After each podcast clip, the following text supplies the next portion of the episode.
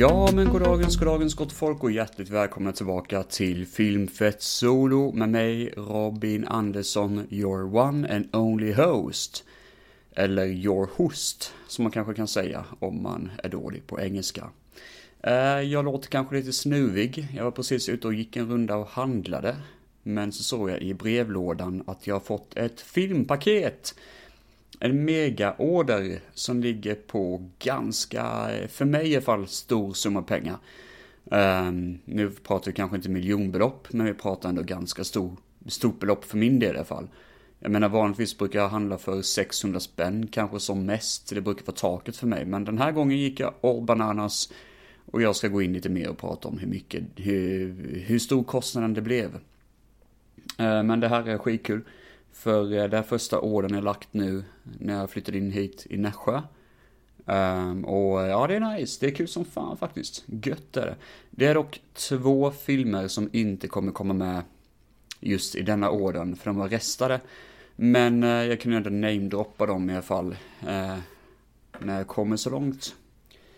Så, tribut. Jag ska öppna paketet. Hoppas det inte ser för jävligt ut nu, men jag tror inte Discop har fuckat upp det, eller att posten har fuckat upp det. Det ser intakt ut i alla fall. Ett band. Nu ska vi se. Två band. Jag föredrar ju eh, själv att beställa grejer från Discop. Faktiskt. Eh, jag är inte sponsrad utav någon, utan det är bara det att det är det jag föredrar att göra, helt enkelt. Eh, för eh, Ginsa tycker jag är lite billigt.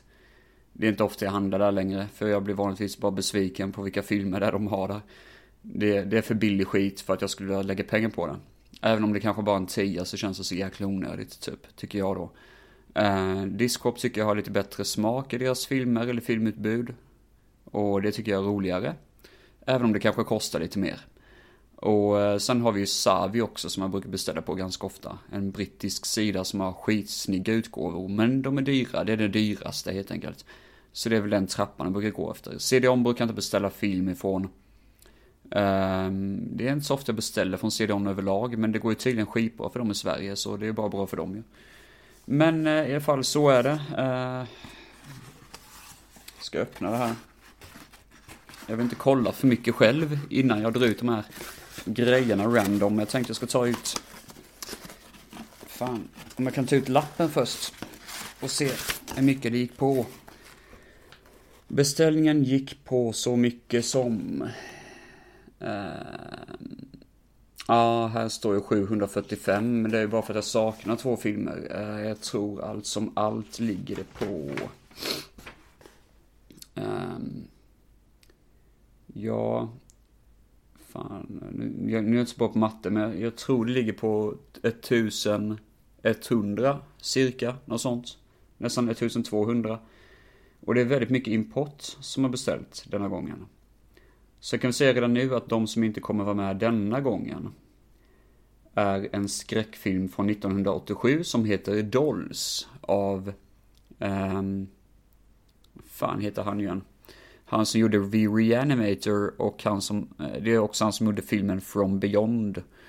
Den slafsiga, goda, underbara rullen. Eh, och det här är typ om levande dockor tror jag, sådana här um, porslindockor typ som dödar folk i ett hus eller något sånt, jag vet inte. Jag är inte så förtjust i dockfilmer överlag, jag tycker det är ganska tråkigt att kolla på. Jag tycker det är ganska tråkig idé. Men eh, det lilla jag sett av den här Dolls låter ganska kul.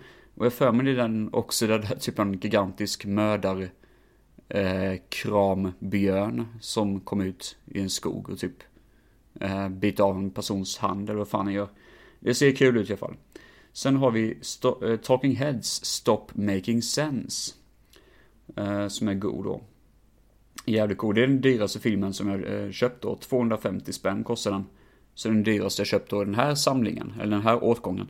Och det här är en musik-DVD, eh, eller musik-Blu-ray. Um, ehm, eh, baserat på deras inspelning då, eh, de gjorde en inspelning av en uh, liveshow de gjorde. Som heter då Stop Making Sense, som är jättekänd som en av deras bästa liveshower. Jag har sett den en gång faktiskt på YouTube, och jag tror till och med pratat om den när jag snackade om Talking Heads i en av mina avsnitt. Uh, där jag pratade om filmen True Stories. Men eh, ja, jag var jävligt glad ändå att den fanns där. Jag tänkte, ska man slå på stort så ska man fan slå på stort. Det är lika bra att jag köper en snygg Blu-ray-utgåva som är lite dyrare av en film jag verkligen vill ha istället för att köpa en DVD-utgåva som är billigare men eh, ja, det, det, nej, det känns inte så smart så det var bättre för mig att verkligen göra det här beslutet då. Men nu ska vi se vilka filmer vi gräver fram i dagens beställning. Ja, jag köpte den på Blu-ray, det visste jag faktiskt inte. Nej, det, nej, vad fan är det? Nej, det är DVD. Jag bara tyckte den såg så liten ut. Pretty in Pink är detta. 80s Collection, uh, John Hughes uh, produktion, uh, jävligt fin film. Um, en av mina favorit 80-talsfilmer utan tvekan. Med Harry Dean Stanton. Jag hade ett litet sound sample från, när jag pratade om Harry Dean Stanton, också i Talking Heads avsnittet, ironiskt nog. Så pratar pratade jag med Harry Dean Stanton och gör en hyllning till honom. Och då får ni höra ett litet soundbite från den här filmen Pretty in Pink. Eh, det handlar om en tjej som är, ehm, ja, hon är lite udda, lite outcast i skolan typ. Och så är det en rik kille som spelas av, tjejen spelas förresten av eh, Molly Ringwald. Och eh, Andrew McCarthy är det som spelar den killen som, eh, en rik kille då som blir, eh, vill bli ihop med henne. Och eh, det är bara det att han har lite mer status och hon har inte så mycket status typ. Och ehm, ja, det är lite sådana saker, så det är ganska ytligt är det, men det är ändå gött på något vis. Och sen har vi då John Cryer som spelar en god kompis till uh, Molly Ringwald. Uh, då, och han är lite udda, lite udda typ. Uh, sådär jävligt speciell han. Men han har alltid varit intresserad för henne och är verkligen jättesnäll mot henne. Eller snäll men han är, han är en speciell karaktär utan tvekan. Och det är lite grann att de två där eh, eh, Molly Ringwald, Andrew McCarthy och John Cryer. Det går ihop sig lite grann i och med att det är en kärlekstriangel som håller på att hända där. Eh, dramakomedi, skulle jag väl kalla det för. Um, sett den ett x antal gånger, tycker den är jävligt fin faktiskt. Och musiken är jättebra. Musiken, det står på baksidan, men musiken är gjord av ett band. Så det har en riktig fin sång som heter Pretty in Pink. Av, eh, nu kommer jag inte ihåg eh, det, Paradax Furs, eller något sånt heter de. Uh, ja, i alla fall. Good shit, Pretty in Pink. Good movie. Jag får nästan snacka om John Hughes någon gång och gör jag det så kommer jag garanterat typ den, utan tvekan. Ja, just det. Man kan ju inte göra, eller prata bara om positiva filmer. Ibland måste man ju köpa något nytt som man inte sett innan. Och det här Scream Park. Från... Jag såg faktiskt inte ett år på denna. Um, ja, 90-talet, nej 90-talet är det inte. Eh, 2014 kanske. Kanske 2016 och sånt. Um, Doug Bradley är med. han har väl en jätteliten roll. Det brukar ju vara så att man bara typ har med en känd B-skådis typ. I några få scener. Men i alla fall, det handlar typ om en snubbe som eh, springer runt på ett eh, sån här eh, nedrivet, eh, eh, vad heter det, attraktionsställe. Eh, en sån här amusement park som har lagt ner då. Och så springer han runt och dödar folk. Och jag ska väl säga att det är miljön som får mig vilja se filmen Scream Park. Ehm, jag tror den är skitdålig. Jag såg trailern på den och bara, okej, okay, det här ser inte så jävla bra ut, men det, jag, jag, vill ändå ge den en chans, för ibland måste man se skit också, så är det ju. Det, det står skrivet i Bibeln. Eh, det gör det inte alls det, men jag tycker man borde eh, slänga in något sånt här Directors Cut av Bibeln och typ slänga in eh, att man, ibland måste man se B-skräckfilm. Det kan man göra där mot slutet av Bibeln tycker jag. Att uh, Gud dog på korset och återuppstod. Och ibland måste man se en B-film bara för att. Jag tycker vi slänger in den lilla segmentet i Bibeln. Bara för att. Det gör vi. Ja just det, här är en, ett köp som de nämner om i uh, uh, In Search of Darkness. Vamp heter den, med Grace Jones bland annat. Så det handlar om vampyrer jag vet inte så mycket mer om det. Det är någon nattklubb tror jag. Och så är det då att eh, Grace Jones är med där. Det ska vara en ganska rolig film faktiskt. Eh, komisk och underhållande. Och let's face it, vem, vill, vem gillar inte Grace Jones? Hon är fantastisk. Um, det är Richard Wenk som tydligen har gjort filmen då. Han har skrivit Equalizer 1 och 2. Och uh, Expendables 2. Tydligen. Um, Och han som gjort effekterna till den här filmen heter Greg Cannom. Och det är han som gjort effekterna till Coppolas version av Dracula, tydligen. Nej men det här kan vara lite småkul. Um, jag vet inte alls vad det är för något, men det, det kan vara kul. Snyggt omslag faktiskt. Alltså vi ser typ en sån här kyss av en läpp. Och så står det vamp ovanför och sen så ser man lite sån här Uh, Eh, ett märkligt märke och det ser ut som att det är en vampyr. Jag tror det är Grace Jones och makeup och sånt. Nej, Studio S har ju släppt den också. Just det, det glömde jag fan bort. Det är Studio S som har släppt den. Ehm, jag tror till och med de gjorde en reklam om det för en så länge sedan på, eh, på Instagram. Det är nog därför som jag eh, undermedvetet köpte den också. Nu ska vi se två filmer kvar här i samlingen, känner jag. Ja, äntligen. Vestron Video har släppt en utgåva av Blood Diner. Åh, oh, jag är så glad att jag har denna. Det är så snyggt omslag, för man ser en sån här um, um, liten restaurang i bakgrunden och så ser man sån här uh, liksom uh, um, skylt där det står Blood Diner och sen en kniv som håller då, eh, en hand som håller en kniv, neonskylt där. Ja, det är snyggt omslag, jäkla snyggt är det. Jag tror det är en slip, det kan vara slipcase kanske.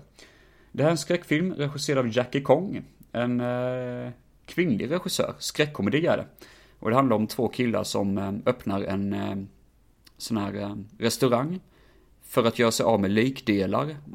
Så de tillagar lik och gör liksom sådär mat utav det, vilket blir en jättestor succé. Det har de inte räknat med, för de vill de vill inte att det ska vara obvious att det är likdelar. Men i alla fall, det blir en jättestor succé. Samtidigt som de springer runt och typ dödar folk och tar vissa av deras kroppar till att sy ihop en muterad människa och sånt. Ja, någon gång måste jag prata om Blood Diner, den är fantastisk. Jag har sett hela skiten på YouTube och jag tyckte den var fantastisk. Jag skrattade så jag grät, det är en sån jävla märklig film alltså. Det här är ju samma stuk som Troma. Men eh, enligt mig, ah, den är underbar. Fan, fan vad glad jag är att jag håller den i min näve, ärligt talat. Oh, jättekul. Och sista, ja det är det. Ja just det, den här är fan helt glömt bort att jag beställt. Fan vad random att jag beställde den. Det har också Vestron. Fan vad kul, Vestron. Härligt. Uh, vet inte om det är... Uh, jo, det är subtitles för Engl Hard of English Hearing. Det är det. Mm. Uh, I alla fall. Denna heter The Lair of a White Worm. Och är gjord av Ken Russell. Och han är ju en cool sån här visuell regissör då. Hugh Grant är med den tydligen. Uh, Sammy Davis är med tydligen. Uh, Amanda Donohoe, det vet jag inte vem det är. Donahue kanske man säger. Jag vet inte vad den handlar om. Uh, jag vet bara att de nämnde den i uh, In Search of Darkness som skräckfilm. Jag bara tänkte okej, okay, jag tror det var ettan eller tvåan, minns faktiskt inte vilken utav dem det var. Men jag bara tänkte direkt efter jag hade hört talas om titeln, The Lair of a White Worm, tänkte jag okej, okay, jag vet inte vad det är, men jag måste fanns reda på det, för det här låter skitcoolt. Titeln är fantastisk och det är Ken Russell. Det här är min andra Ken Russell-film då efter den otroliga experimentet. Uh, Altered State. Fantastisk jävla film. Ja, det här är ju helt magiskt. Vilken jävla samling. Fan vad glad jag blev. Det här är helt, oh god.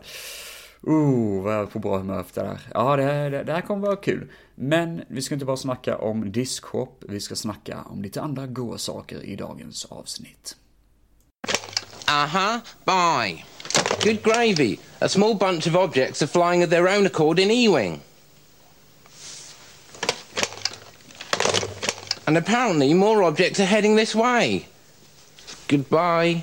Så, nu ska vi snacka om ytterligare en udda grej. Eller förutom den här då eh, eh, fantastiska Blood Diner såklart. Så tänkte jag även snacka om en väldigt speciell tv-serie som finns på YouTube. Och tack vare YouTubes konstiga algoritm, eller vad det heter, så föll den på mitt bord och jag tänkte direkt, jag måste se det här. För jag såg ett klipp från en serie som heter Dark Place. Eller den heter inte bara Dark Place, den heter rättare sagt Garth Marengis Dark Place. Och jag tänkte, vad fan är detta? Det ser ut som en dålig såpopera som nästan är så dålig att man tänker om någon har gjort det här frivilligt så är det genialt. Om någon har gjort det på det här sättet så är det genialt. Men jag tänkte från början, det här kanske är så otroligt dåligt att det faktiskt är bara inkompetenta människor som har gjort det här. Men sen fick jag veta det att detta är faktiskt en riktig komediserie. Eh, det är sex avsnitt tror jag det ligger på. Och eh, handlar om... Hur fan ska man beskriva det här? Det handlar om en kille som är typ som Stephen King. Han är bokförfattare, jävligt dålig bokförfattare. Och eh, han gjorde tydligen såna här eh, sex stycken pilotavsnitt av en tv-serie som aldrig sändes på tv, som heter då Garth Marengis Dark Place. Så detta är både intervjuerna med vissa skådespelare som var med och gjorde eh, Dark Place, så det är intervjubaserat då, men det är också eh, ihopklippt med det materialet som finns av serien. Och det här är ju otroligt dåligt gjort. Garth Marenghi tror 100% säkert att detta är det läskigaste som har producerats på tv och att det är därför ingen vill visa det på tv-kanalerna. Men vi som ser det ser att detta är något bland det mest lamaste, billigaste skiten som har producerats på tv. Vi har ett sjukhus som egentligen är en jätteful tågmodellsbyggnad som man har filmat utifrån och bara zoomat in på diverse plastiga fönster. Eh, och visat då att det är som en exterior shot i tv-serien då. Eh, det handlar om en ny kvinna som anställs på det här Dark Place eh, Hospital. Och eh, hon träffar då doktorn, huvuddoktorn, Som spelas då såklart av Garth Marenghi själv då, han eh, som ska vara typ författaren bakom allting. och um, han, uh, han är jätteöverseriös, går alltid med händerna runt midjan som att han är en sån här, mm, han bestämmer allting i hela serien typ. Det, och det visar sig snabbt då att den här kvinnan har psykiska krafter, hon kan typ se framtiden och se det förflutna och läsa folks tankar och allt möjligt. Och huvuddoktorn då, han är bara liksom, ja men det händer hela tiden, sånt händer hela tiden. Det, det här är helt normalt, det, det är inget speciellt med det. Och med oss har vi också en annan läkare som är typ doktorns bästa kompis och är otroligt dåligt dubbad. You and he were buddies, weren't you? Once. Listen, when I first joined this hospital, I was strictly solo. You were the first real buddy I ever had. But if you and he wish to be best buddies again, I won't stand in your way. I've got a best buddy, Sanj. But some shit sticks, no matter how hard you scrape. Hang back. You got it. Och egentligen att han är så, har sån skum röst och skumt utseende. Jag menar, han är jätteöverdramatisk och det är uppenbart att den skådisen, om man ska analysera hans karaktär, att det är en sån här skådis som typ varit med jättemycket såpopera tidigare och vet exakt hur man höjer på, hö på ena ögonbrynet för att verka tuff och cool och så vidare. Lite sådär då, den typen av attityd är det. Sen har vi den kanske konstigaste karaktären i det hela. För det är en chef på sjukhuset som alla liksom ser upp till och som ska vara den som alltid ger orders och så vidare. En tuff chef, men en chef man respekterar typ. Den typen av karaktär. Grejen är bara att den skådespelaren var tydligen, enligt storyn då, eh, producenten till Garth Marengis böcker. Han har aldrig skådespelat för. Han är bara en dålig bokförfattarproducent, typ. Så eh, han var inte sådär jätteglad att vara med i showen, men tycker enligt de här intervjusektionerna då att han gjorde ett helt okej jobb. I think Liz and I are gonna go and check up on the guy. See how he is. You wanna come too? No.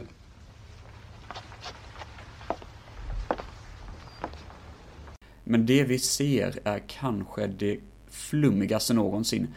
Um, jag kan inte ens beskriva det faktiskt, men när han ska prata i telefon, han kan inte säga sina lines och hålla en telefon samtidigt. Så under konversationen lägger han på telefonen, plockar upp den igen, pratar med den igen, lägger ifrån sig telefonen igen och sen så ska han säga hej då och då så vänder han sig till fysiskt till telefonen och bara bye bye, typ. Men bara, va? Och de behöll den, eh, den scenen för att de hade väl inte pengar att filma om kanske. Eller så var det precis som Ed Wood, att de bara, ja men vi kör nästa scen, typ. Och bara sådana detaljer är så jävla roligt. Det är därför jag föredrar de första kanske två avsnitten i alla fall i den här serien. För sen blir det kanske lite för mycket humor och lite för mycket on the nose comedy. När jag egentligen genom, eh, alltså i jämförelse gillar det här med att det är otroligt dåligt filmat och sånt. För fotot är horribelt. Det är en karaktär där man ska filma liksom helbilden när han ska säga någonting. Grejen är bara att de filmar bara från hans haka uppåt. Så han ser ut som ett avkappat huvud och så visar de jättemycket utav bakgrunden bakom honom. Eh, så det ser ju... Det, det, går inte ens att beskriva, det ser jättekonstigt ut. Och de har klippt in det på en sån scen när han precis har avslutat sin dialog, så man bara, vad fan. Det var ju onödigt att visa det liksom. Bara sådana klippfel. Ljudproblem som är helt sjuka. Ibland finns det inte något ljud alls i bakgrunden. Ibland brusar det jättemycket, ibland är det dubbat. Och otroligt dåligt tajmat. Allting är otroligt dåligt tajmat. Som återigen, den här chefen. Alltså en person ska försöka gå ut ur hans rum, men stannar precis vid dörren. Och någon sekund för sent så reser sig chefen och bara Wait, don't go! Sånt. Fantastiskt, underbart, magiskt material som påminner väldigt mycket om en skolproduktion i stort sett i avsnitten. Jag har inte pratat så mycket om själva avsnittet. Jag menar, första avsnittet handlar om att doktorns bästa kompis exploderar i ett eh, sjukrum, sjukhusrum. Och då får man veta det att doktorn och den här kompisen har för flera år sedan öppnat upp ett, en helvetesportal i sjukhuset, vilket gör att det därför är lite skumma saker som händer där ibland. Eh, avsnitt två är att den här kvinnan som är ny på sjukhuset har fått telekinetiska krafter, vilket gör att eh, strykjärn och pistoler och allt möjligt flyger runt och eh, eh dödar folk. Självklart hängandes i eh, vajrar. Ehm, och eh, det ser eh, som sagt var, eh, det ser ju inte bra ut. Det är bra för att se så dåligt ut, så att säga. Att försöka beskriva en av de bästa, enligt mig, detaljerna i ett avsnitt är helt sjukt. För det här är Wrath of Apes, tror jag det heter, som är lite plan Planet of Apes fast på ett sjukhus. Eh, Apornas planet då, fast otroligt B och eh, otroligt dåligt. Och där är det att eh, folk dricker utav vatten som finns i de här vattenbehållarna som man har på sjukhus.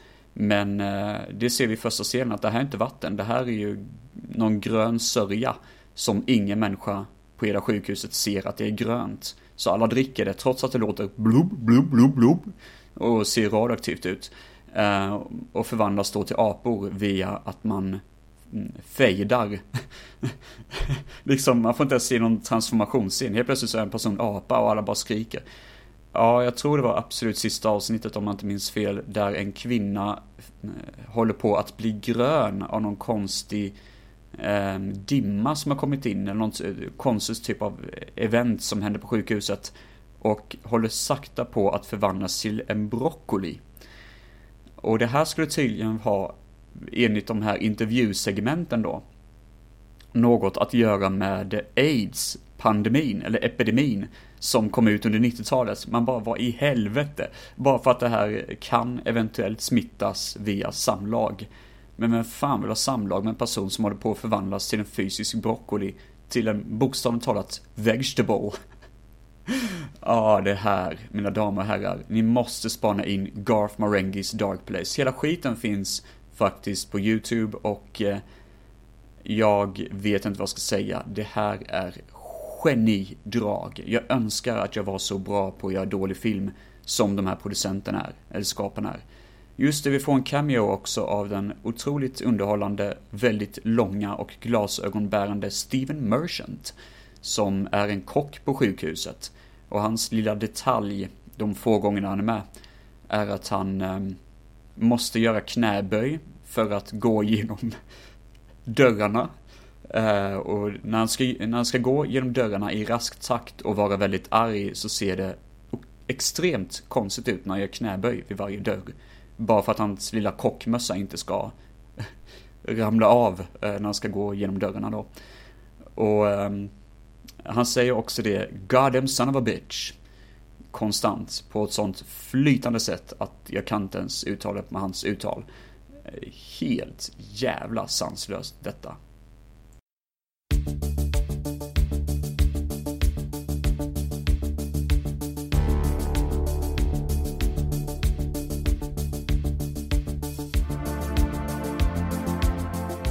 Men, damer och herrar, nu beger vi oss från underbara Dark Place, eller underbara och underbara, den bizarra Dark Place till det lite mer vackra och lite mer inbjudande Miami. För jag tänkte, vad fan, nu är jag på humör för Miami Vice igen. Och det är precis det vi ska ge oss in i igen med eh, Miami Vice säsong uh, fyra är det denna gången. Så eh, då får vi se vad Crockett och Tubbs är med. Sonny Crockett och Ricardo Tubbs, vi får se vad de är med om denna gången i Miami Vice. Fyra goda avsnitt ska recenseras idag. Och vi börjar med eh, introduktionsavsnittet i säsong 4. Och då tänker man vanligtvis att, ja, vi brukar ju börja väldigt intressant eller eh, eh, häpnadsväckande i och med att det faktiskt är en ny säsong som kickar igång. Så här har vi Contempt of Court. Första avsnittet av säsong 4, det vill säga. Um, och det första vi märker är ju att Sonic Crockett ser lite speciell ut. Han var innan väldigt snyggt klippt, väldigt sådär, eh, hårfrisyren var väldigt sådär eh, ganska kort klippt men ändå eh, 80-talistisk. Nu är han långhårig och bara helvete, vilket är en stor utmaning mot Nicolas Cage i Con Air. Så det ligger på en extremt stor nivå av eh, frisyr. Det här är kanske hockeyfrilornas konung som syns nu i Miami. Och säga vad man vill, man tycker att om lustiga och udda frisyrer, men det här funkar ju inte alls. Sonny ser ju ut som en jävla dörrmatta i nyllet. Sen har vi då att Ricardo Tubbs har skaffat sig ett skägg. Och eh, YouTube-kanalen Joe Blow, som har en jättebra YouTube-kanal som brukar recensera lite olika intressanta filmer och tv-serier och allt möjligt. De kritiserade faktiskt eh, hans Eh, skägg. Men jag tycker om det. Jag tycker det ramar in hans eh, utseende på något vis. Visst, han ser ut lite grann som en terrorist, men det är ändå på något vis inbjudande att se att han har skaffat sig skägg. Eh, att Crockett fick det horribla håret och Tubbs fick det snygga skägget som går hela vägen runt hans ansikte och ramar in hans fina nylle och får honom se lite mer seriös ut i kontrasten till Crocketts hår. Avsnittet Eh, Contempt of Court är ett rättegångsavsnitt med eh, skådespelaren Stanley Tucci som är ganska känd för att han brukar spela eh, eh skurkiga mafiosos och det gör han denna gången också. En tung supergangster som hamnar i rättegång. Karaktären heter Mr. Mosca.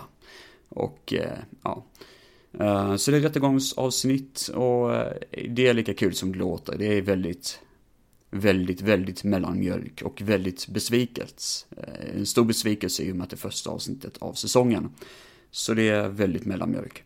Men vi får se Meg Foster, eh, kvinnan med de läskiga vita ögonen som bland annat är med i eh, They Live. Och, är, eh, kanske inte kärleksintresset, men hon är en av karaktärerna i They Live.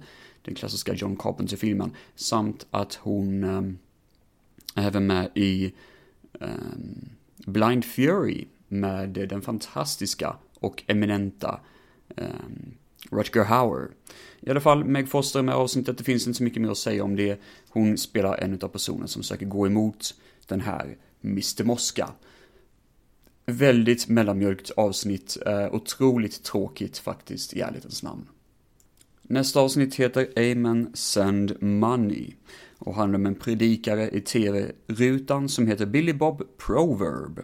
Och Billy Bob kan man ifrågasätta sig, vem fan är detta? Jo, han spelas för det första av Brian Dennehy, som är kanske inte superkänd, men han är med i någon film om den där jätteklassiska mördarclownen. Vad fan heter han? Den här eh, clownen, killen som gick runt i USA utklädd till clown som våldtog barn och dödade dem eh, och hade dem i sitt hus.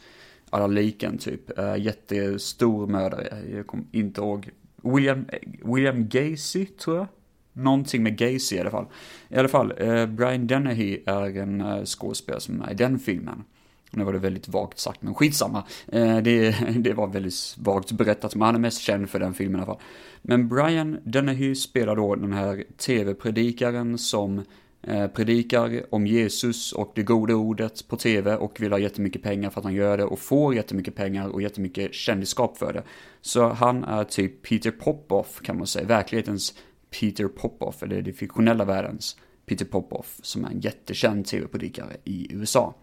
Och det påminner även lite grann om den här Genesis-låten, Jesus He Loves Me. Uh, eller Jesus He Knows Me heter den Uh, jag säger alltid fel på den titeln. I alla fall, um, där det är en parodi då på de här tv-listorna. Uh, fantastisk låt av Genesis, spelas bland annat rätt ofta på Star FM. I alla fall, Amen Send Money handlar om att hans fru åker fast av Miami Vice eh, för kokaininnehav och eh, blir frisläppt. Men han blir skitförbannad på detta och eh, helt plötsligt så råkar Tubbs hamna i trubbel då ehm, han ehm, blir misstänkt för ett, ett våldtäktsförsök på en kvinna. Och alla tror ju att det har att göra med att den här Billy Bob Proverb håller på med sina predikan och har övertalat en kvinna då att gå ut offentligt med detta. Um, och det är ett intressant avsnitt faktiskt. Jag tycker ändå om att man kritiserar någonting som är väldigt sådär för sin tid. De här tv-världen som var så otroligt stor under 80 och 90-talet. Och att man kritiserar det här med hur stor, alltså hur långt folk går för religion. Och hur långt folk är villiga att betala för religion. Ja men det är ett intressant avsnitt, skulle mycket väl kunna vara en betydligt bättre introduktion till säsong 4 än det föregående avsnitt. Death and the Lady är nästa. Om en porrfilmsfestival. Där eh, det visas då en porrfilm på vita duken och alla jublar. Men så dyker det upp en gubbe som påstår tydligen att eh, porrfilmsregissören har dödat en kvinna på riktigt under filmen. Och eh, han blir utkastad då liksom sådär. Och eh, Crockett och Tubbs är väldigt mycket emot det här generellt. De tycker att hela caset låter väldigt konstigt. Men blir mer intresserade när de får veta eh, skådespelerskan som sägs vara död är väldigt svår att få tag på. Hon verkar tydligen ha försvunnit från jordens yta nästan. Och de tror att det är någon sån här cover-up, att folk försöker täcka över att hon faktiskt har blivit dödad på riktigt snuff-film-style. Um, ehm, Patch Mode dyker upp med um, låten Treasure Total Pressure, tror jag den heter. Något sånt är det. Jävla god låt i alla fall. Jag lyssnade på den flera gånger på Spotify tack vare att Miami Vice faktiskt har en egen Spotify-lista. Uh, vilket är skitkul att någon har bakat ihop. Uh, finns säkert bättre varianter av den listan någonstans, men eh, skitsamma. Det, det är god musik. Och tydligen, det tråkigaste med det här avsnittet är att vi får veta att Sonny Crockett har tydligen slutat röka. Och man bara, vad fan, fuck you. Han passar med cigg i käften. Um, slutet är väldigt utdraget och i slutet tänker jag bara, okej, okay, vad var poängen egentligen? Vad, vad var hela syftet med avsnittet överhuvudtaget? Det var bara utdraget. Men de har ju sin tid som de måste hålla i rutan, så är det ju tyvärr. Just det, Miguel Ferre dyker upp också som FBI-agent eh, under avsnittets gång. Sista avsnittet för dagen och eh, det sista överlag för dagen faktiskt handlar om The Big Thaw, som avsnittet heter. Eh, den stora smältningen kan man kalla det för. Eh, Crockett och Tubbs undersöker en öde byggnad mitt ute i ingenstans. Och de hittar ett laboratorium. Och där hittar de en musiker som har blivit omtalad att han har blivit dödad, för, eller han dog för typ ett år sedan. Någon rap, nej reggae-musiker är det. Och de hittar att han är nerfrusen i någon kryomaskin. Så avsnittet handlar om kryoteknik och experiment då att eh, väcka upp en person som ligger i inpackad is. Så det visar sig att han har betalat jättemycket pengar till ett företag för att frysa ner honom för han blev dödligt sjuk av att ha ätit en eh, rå fisk i Japan eller någon sån skit. Och eh, då är det bara det att kryoteknikerna påstår att det är de som äger liket. Att det är de som liksom äger kroppen i och med att han faktiskt har signerat med som papper och sånt. Och att det är eh, liksom så att han äger, de äger kroppen. Men så dyker hennes, eller den här eh, musikerns exfru upp och påstår att enligt kontraktet är det hon som äger liket. Och det är någon rätt twist över det nästan. Det är jättekonstigt det avsnittet. Det är så flummigt men det är samtidigt så otroligt kul. För hur flummigt det är, för skådespelaren vet att det här är ju jävla mest märkligt liksom. Crockett säger flera gånger att det här är det mest löjliga som någonsin varit med om. Och Tubb säger samma sak, och fan det är inte ens ett case, det här är bara löjligt liksom. Och det, det jag tycker det är så kul ändå på något vis att man erkänner att det här är ju inte bra, det här är inte kvalitet. Issy kommer tillbaka såklart, för Issy, underbara fantastiska Issy vill såklart hitta något sätt att tjäna pengar på via den här kryotekniken såklart. Han ger sig in i allting som är udda och märkligt och märkvärdigt. Magisk karaktär och Alfred Molina dyker också upp i en liten cameo. Men den är så liten så att det knappast ens märks att det är honom, om det inte hade stått så i introtexten. Och Alfred Molina är ju som sagt var, som alla vet, Dr. Ock från eh, Spiderman och han spelar också en karaktär i första Indiana Jones-filmen.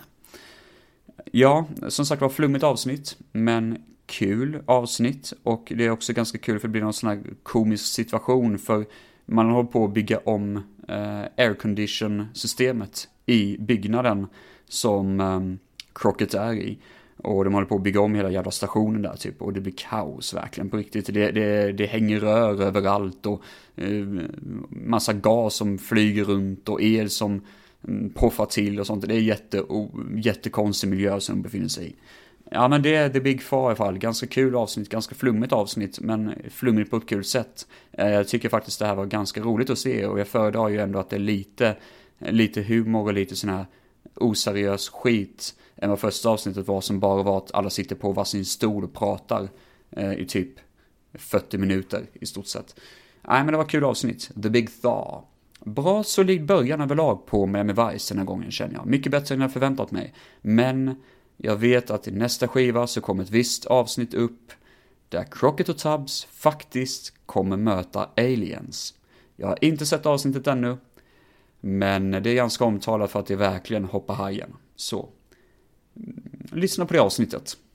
Vad har vi gjort idag då, mina damer och herrar? Jo, vi har pratat om diskshop och den lilla filmådan jag placerade. Fina fiskar, fina fiskar. Vi har snackat om eh, den här märkliga tv-serien, komedishowen Dark Place. Eh, väldigt eh, udda, men garanterat någonting som jag tycker man ska spana in. Och så har vi även eh, gjort en litet återbesök till Miami Vice där mot slutet. Och jag kommer nog troligtvis göra så i framtida avsnitt att jag kommer prata om Miami Vice sist av allt.